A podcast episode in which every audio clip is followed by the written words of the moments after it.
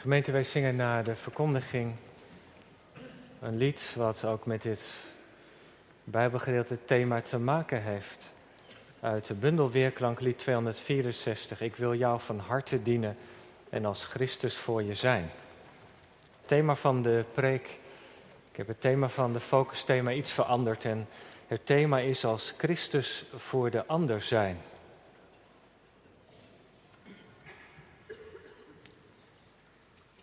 Gemeente van Heer Jezus Christus, u die te gast bent. Als je vandaag de dag de weg neemt van Jeruzalem naar Jericho, vind je zo'n 30 minuten rijden naar, aan de rechterkant een herberg. De herberg van de Goede Samaritaan. Een plek waar men vermoedt dat het verhaal van Jezus zich heeft afgespeeld. Er zijn resten van een kerk gevonden uit de zesde eeuw. Vandaag de dag staat er ook een museum. Maar dat is de plek waar de mensen dachten dat het moest zijn gebeurd. Zozeer heeft die gelijkenis, het verhaal dat er Jezus vertelt, tot de verbeelding van mensen gesproken. Dat ze in de eerste eeuwen al gelijk het lokaliseerden. Daar op die plek, even buiten Jeruzalem, op de weg naar Jericho, daar is het gebeurd wat Jezus heeft verteld. En iedereen, wij ook, kan zich bij het kleine verhaal iets voorstellen. Het spreekt tot de verbeelding. Het is ook in de spreekwoorden terechtgekomen als een barmhartige Samaritaan. Wie is dat? Nou, dat is iemand die zich zonder eigen belang over een ander ontfermt. Of met de woorden van Wikipedia, de barmhartige Samaritaan, wat met deze gelijkenis wordt overgebracht, is dat telt wat iemand doet, niet wat iemand is. Er staat ook nog bij, je moet niet naar de letter van de wet handelen, maar naar de geest van de wet. Nou ja, hiermee zitten we midden in die gelijkenis die de Heer Jezus vertelt en die vanmorgen centraal staat. We zien het allemaal voor onze ogen gebeuren, daar op de weg die afdaalt van Jeruzalem naar Jericho. Een man wordt door rovers mishandeld, half dood langs de weg gedumpt.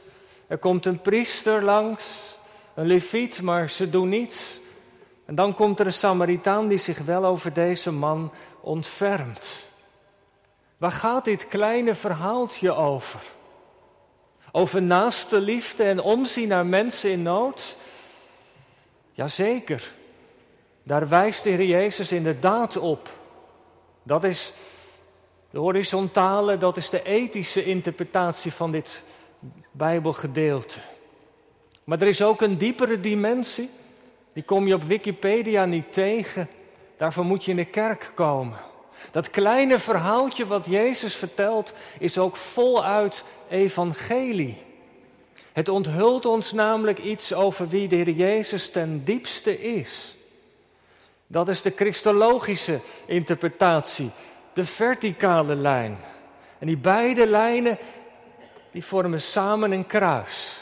En ze horen bij elkaar en mogen niet van elkaar worden gescheiden. En dat is trouwens altijd het geval als de Heer Jezus gelijkenissen vertelt. Er zit altijd ook een diepere laag in. Er wordt een appel op mensen gedaan en ze zijn ook tegelijkertijd een onthulling over wie Hij is. Het ethische, het christologische, de horizontale en die verticale lijn horen bij elkaar. Maar laten we vanmorgen eerst eens met die eerste lijn beginnen. De liefde tot de naaste. Dat iedereen kon zich bij dat kleine verhaal van de Heer Jezus iets voorstellen. De weg van Jeruzalem naar Jericho is bochtig, loopt door de heuvel, heuvelland, woestijnachtig gebied. En als je iemand zou willen beroven, dan was dat de plek bij uitstek. Een eenzame reiziger die, ja, die op weg is, wordt gepakt. Wordt overvallen, alles wordt hem afgenomen. Half dood wordt hij op de weg achtergelaten. En er is op dat moment niemand die die iets ziet of iets doet. Maar gelukkig, daar is de priester. Hij heeft zijn dienst in het heiligdom erop zit. Hij komt net uit de kerk op weg naar huis. Hij ziet het slachtoffer liggen. Maar wat vertelt het verhaal? Hij gaat aan de overkant voorbij. Dat wil zeggen, hij loopt er met een grote boog omheen. Een gemiste kans, maar gelukkig is daar de leviet. Een dienaar uit de tempel komt ook uit het heiligdom vandaan. Hij zal zeker naar deze man omzien. Dat is wat God van mensen vraagt, maar ook hij. Zelfde verhaal. Loopt aan de overkant met een grote boog om het slachtoffer heen. Wat een gemiste kans. En waarom gaan ze niet naar die man toe? Zijn ze bang dat er rovers in de buurt zijn, dat ze zelf kunnen worden overvallen? Zou het kunnen zijn dat ze de nood van die man niet echt durven toe te laten in hun leven? Dat is namelijk waar het vaak misgaat, ook bij ons. Dat als iemand die ons iets vertelt, dat we ons zo verlegen en onthutst voelen dat we geen raad weten met de nood van de ander en dat we liever maar op een afstand blijven, dat we het moeilijk vinden om iemand te vragen van, joh, hoe gaat het met je? Omdat we zo verlegen zijn met wat die ander is overkomen. We blijven op een afstand, zoals zo vaak gebeurt. Het kan in het verhaal ook het geval zijn. Of, of ze zijn, ja, staan in de dienst van God, ze zijn rein, hebben zich ritueel gereinigd. En ja, als je een dode aanraakt of iemand die bijna dood is, zou je ontreinigd worden. Moest je weer opnieuw je wassen, zou dat een rol hebben gespeeld? De uitleggers wijzen erop dat het laatste waarschijnlijk niet het geval is.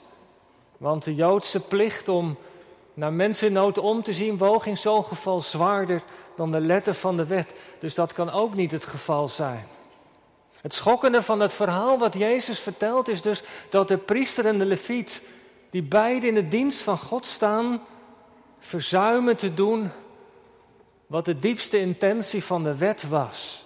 Omzien naar mensen in nood, dat was wat God wilde. Mensen die ervan weten, om zo te zeggen, die in de dienst van God staan, die vertrouwd zijn met de woorden van God, die lopen in een grote boog om die ander, die mens in nood heen. Die gelijkenis van de Jezus, die vormt dus op het horizontale vlak een spiegel. Hij is bezorgd blijkbaar, en dat is zeker ook de boodschap van dit verhaal. Hij is bezorgd namelijk dat mensen die ervan weten, niet doen wat ze zouden moeten doen. Er is een mens in nood. Een eenzaam familielid, een buurvrouw, een broeder of zuster uit de gemeente die ziek is, chronisch ziek. Een vluchteling die in de stad is komen wonen. Een vriendin met huwelijksproblemen, een neefje dat problemen heeft op school en met zijn ouders. Een collega die worstelt met depressiviteit. Je hoort ervan, je wordt ermee geconfronteerd. God legt de nood op je hart. Maar wat doe je ermee? Kom je dan in beweging? Er zijn natuurlijk allerlei redenen om dat niet te doen. De persoon, ja, die staat ver van je af, die ken je niet echt. Staat ook heel anders in het leven, heeft heel andere overtuigingen. Neemt het niet zo nauw met de dienst van God misschien. Komt uit een ander sociaal milieu en ja, weet je, de afgelopen week was al zo vol, kan er eigenlijk niks bij hebben. Ik heb zoveel verplichtingen. Zijn er van die stemmetjes in je hoofd, herkent u dat? Ah, je kan toch niet het leed van de hele wereld op je schouder nemen? Heeft die andere het niet? is toch zijn eigen schuld? Had hij maar niet? Jij bent toch niet degene die altijd alle nood moet oplossen? Dweilen met de kraan open.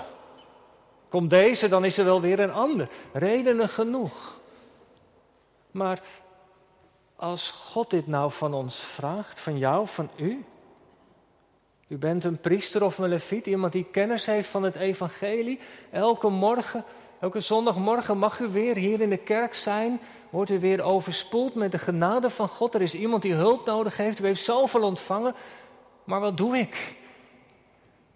Er is geen plan B. Ik moest denken. Ik moest denken aan, aan de woorden van apostel Jacobus. Over geloof en werken. En het trof me weer opnieuw wat hij zei. Wat voor nut heeft het, mijn broeders en zusters als iemand zegt dat hij geloof heeft, maar hij heeft geen werken, hoofdstuk 2, vers 14 tot 17, kan dat geloof nou hem zalig maken? Als er nu een broeder of zuster zonder kleding zou zijn, gebrek zou hebben aan dagelijks voedsel, en iemand van u zou zeggen: ga heen in vrede, word warm en word verzadigd en u zou niet geven wat zijn lichaam nodig heeft, een mantel, zorgen zijn. Wat voor nut heeft het feit dan dat u gelooft? Geloof zonder werken is dood. Dat is, dat, dat is die spiegel die de Jezus daar zo in dat gesprek met die wetgeleerden aan de mensen voorhoudt. Het is bekend, maar ook zo confronterend. Bedoeld om tot inkeer te komen. Die naaste die zit naast je. In de bank, op je werk, in de trein. En waar sta je ten opzichte van hem of haar? We kijken in de spiegel. Maar het wordt nog spannender, want wie is die derde persoon die er langskomt? Nou ja, als je dat aan de Israëlieten had gevraagd, was het duidelijk. Als de priester niet had geholpen, als de leviet niet had geholpen, dan moest het een gewone Israëliet zijn. Als de religie godsdienstige mensen niet gehoorzaam zijn, dan toch iemand uit het volk. Maar nee, er komt een Samaritaan. En dat moet voor de Joden en voor die wetgeleerden in het bijzonder een schokkend element in het verhaal zijn. Samaritanen, weet je wie dat zijn? Dat zijn afvallige Joden. Ze hebben gemengde huwelijken aangegaan met mensen van niet-gelovige afkomst. Ze hebben op die berg Gerizim een eigen heiligdom. Ze aanvaarden maar de helft van de woorden van God. Ze hebben een eigen versie van de Torah. Samaritanen en Joden, dat is water en vuur. En weet u, Joden konden een morgengebed bidden. Heere God, geef me een goede dag. Geef mij heden mijn dagelijks brood. Bescherm me op deze dag. En Heer, ik bid u dat er geen Samaritanen zullen zijn in de opstanding op de jongste dag. Er komt een Samaritaan voorbij. En wat staat er van hem, vers 33? Hij kwam in zijn buurt. En toen hij hem zag, werd hij met innerlijke ontferming bewogen. Een Samaritaan doet wat de priester en leviet verzuimen. Dat is natuurlijk schokkend. Elke Jood staat op zijn achterste benen.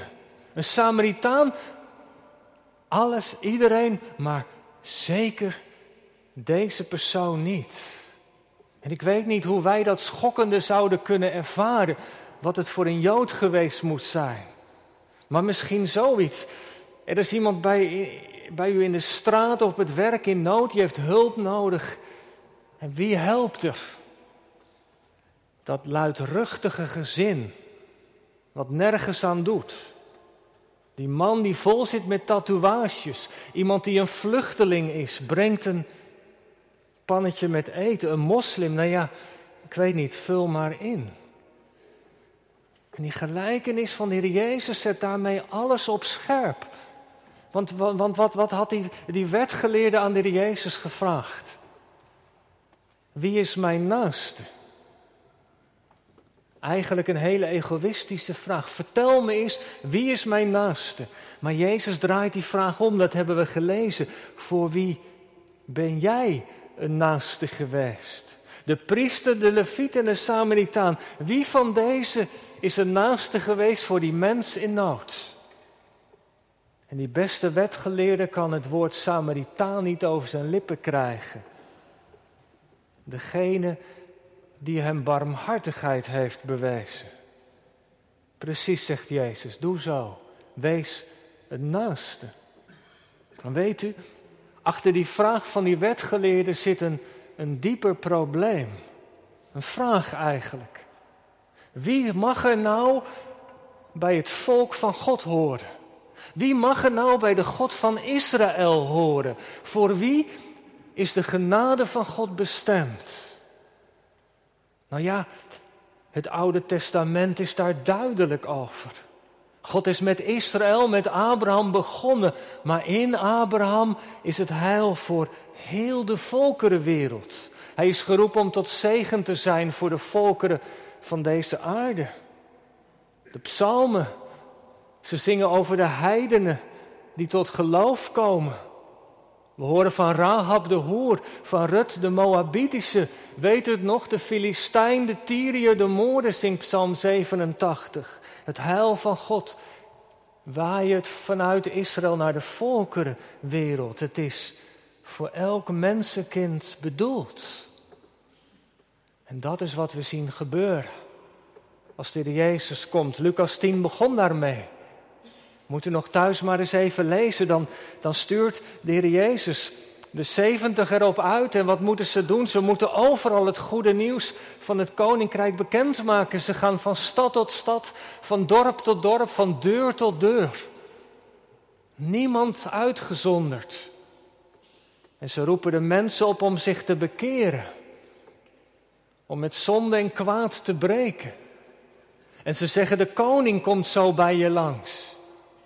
En ze, roepen hen op om zich aan de koning van het koninkrijk gewonnen te geven. God ziet naar mensen om zonder onderscheid van geslacht, geaardheid, ras, afkomst, sociale status. Ja, zelfs, zegt dat kleine verhaal, Samaritanen. En nou neemt de Heer Jezus in die gelijkenis een Samaritaan als voorbeeld. En hiermee plaatst hij zich lijnrecht tegenover deze wetgeleerde. We lazen het, hè? Hij was gekomen om de Jezus te verzoeken. Om hem op overtreding van de wet te betrappen. Voor hem, voor deze man, is God alleen een God van de Joden. En wie is mijn naaste? Ja, dat zijn toch Joodse broeders en zusters. Dat is de lijn waarin deze wetgeleerden staan. Dat is een hele nauwe interpretatie van de woorden van God. Maar de God van Israël, de Vader van de Jezus Christus, is een genadige God voor zondaars, voor hoeren en tollenaars, voor Samaritanen. En zo wijst de Heer Jezus deze man terecht. Scherper kon hij het niet doen.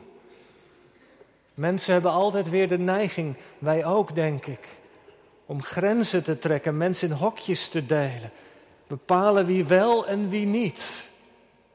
Regels, tradities, vooroordelen. Ze staan ons zo makkelijk in de weg om echt ontferming, om echt naar mensen om te zien, staan echte ontferming in de weg.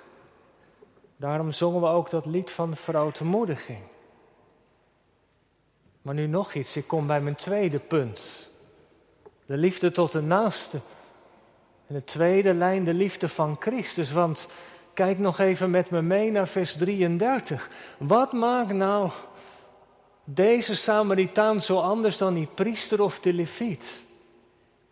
Wat gebeurt er nou bij hem in het verhaal wat niet bij die anderen gebeurt? Er staat, hij kwam in de buurt. Hij zet een stap naar die mens toe. Hij laat het binnenkomen. Maar dan gebeurt het, hij werd innerlijk met ontferming bewogen. Hij werd geraakt tot in het diepst van zijn ingewanden. En dan moet u weten dat het Griekse woord wat, wat Lucas hier gebruikt, alleen maar gebruikt wordt voor God of voor de Heer Jezus. Met andere woorden, die barmhartige Samaritaan, dat is Jezus zelf.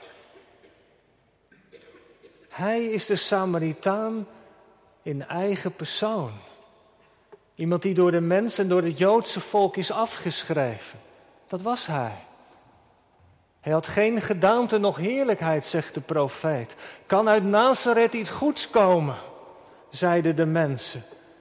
In de persoon van de barmhartige Samaritaan belichaamt Jezus de ontferming van God. Hij is die Samaritaan.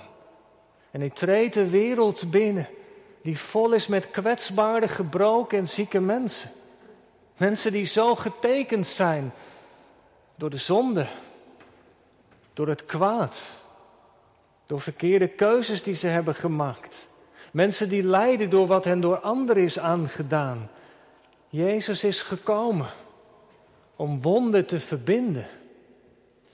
Hij hield gebrokenen van harte en hij verbindt ze in hun smarten, zegt Psalm 147. Hij heelt de wonden. Hij geneest de pijn. Hij tilt mensen liefdevol op en zet ze weer op hun benen. En als ze niet kunnen lopen, dan draagt hij hen. En hij brengt ze, en daarvoor is hij gekomen in de herberg van Gods vaderhuis. Hij vergeeft een zonde, hij betaalt de schuld, er is genoeg. Hij is met innerlijke ontferming bewogen. Dat is de diepere boodschap van dit verhaaltje. Het is een boodschap over wie de Jezus is, van God gekomen, als de barmhartige Samaritaan, om God en mens met elkaar te verzoenen, om de kloof te slechten. En onverdiend en onverwacht trekt hij de mantel aan van deze Samaritaan, van het menselijke bestaan. En het kost hem alles. Zijn tijd, zijn goed, zijn geld, zijn leven. Zijn eigen leven aan het kruis. Hij is bereid als die goede Samaritaan om de prijs te betalen. De hoogste prijs.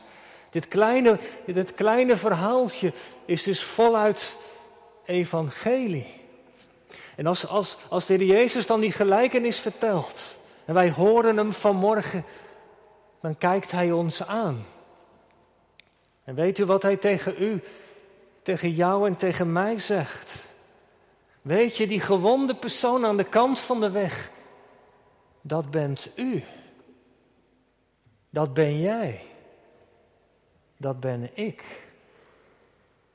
Wij zijn allemaal mensen die op de genade van God zijn aangewezen. Wij zijn mensen voor wie Christus is gekomen. Hij heeft jou, u en mij op het oog. Wij zijn allemaal aangewezen op de ontferming van deze barmhartige Samaritaan. En hij kijkt ons aan vanmorgen en hij zegt tegen u, jou, jij bent een geliefde zoon, een dochter van de Vader. Ik ben gekomen om heel je bestaan voor mijn rekening te nemen, om je thuis te brengen in de herberg. Hij is bewogen over ons, wie je ook bent. Wat je verleden is, je levensgang. Wat je zonden zijn, je wonden. Hij weet wel raad, man. Hij raadt mee. Hij is de barmhartige Samaritaan bij uitstek. En geloof je dat? Gelooft u dat? Dat u die mens bent aan de kant van de weg. En dat Jezus zich over u of jou heeft ontfermd. Dat als Hij niet je pad had gekruist, dat je dan verloren was. Zonder hoop en zonder toekomst. Maar het wonder is dat Hij is gekomen. We hebben ervan gehoord. Hij heeft je levenspad gekruist. Hij zocht je op. Hij nam je bestaan voor zijn rekening. Toen hij die woorden sprak, alles is volbracht. Toen was het ook voor jou, voor u, voor mij. Geloof je dat? Weet u, de vraag van de wetgeleerde was egoïstisch. Wie is mijn naaste? Jezus draait de vraag om, voor wie ben je de naaste? En hij zegt, zie je die Samaritaan? Laat die gezindheid in je zijn, die ook in hem was. Ga en doe even zo. Zo zal het gebeuren, misschien morgen al. Dat God mensen op je weg brengt. Kwetsbare mensen, gebroken mensen. Mensen die zorg en liefde nodig hebben. Mensen die de Jezus niet kennen. En straks is deze dienst afgelopen, maar de dienst in de wereld is weer begonnen. Ga heen op weg. Wees met ontferming bewogen, luister. Deel. Ledig de nood, dat is wat God van ons vraagt. Maar de sleutel, dat is de ontferming van de Heer Jezus. Alleen als je zelf leeft, doe je dat? Zelf leeft van de ontferming van Christus. Dan zul je pas echt over anderen kunnen ontfermen. Als je hebt geleerd wat genade is. Heb je dat geleerd? We mogen het elke zondag weer leren. Dan kun je ook genadig zijn naar anderen. Het hoofdstuk eindigt met Martha en Maria. Ze zitten uiteindelijk aan de voeten van Jezus en ze luisteren naar zijn stem. Ze zitten daar aan de voeten van de barmhartige Samaritaan. Wij zitten vanmorgen aan zijn voeten, elke zondag weer opnieuw. zijn we voorwerp van de genade van God. En dat is wat God van ons vraagt. Ontvang die genade. En wees ook genadig. Laat je door mij als de barmhartige Samaritaan dienen. Je zonde vergeven, je wonden genezen. Laat mij je dienen. Om zo ook dienstbaar te zijn. Als Christus vanuit Hem voor de ander. Dat is wat God van ons vraagt. En Hij geeft het ook. Amen.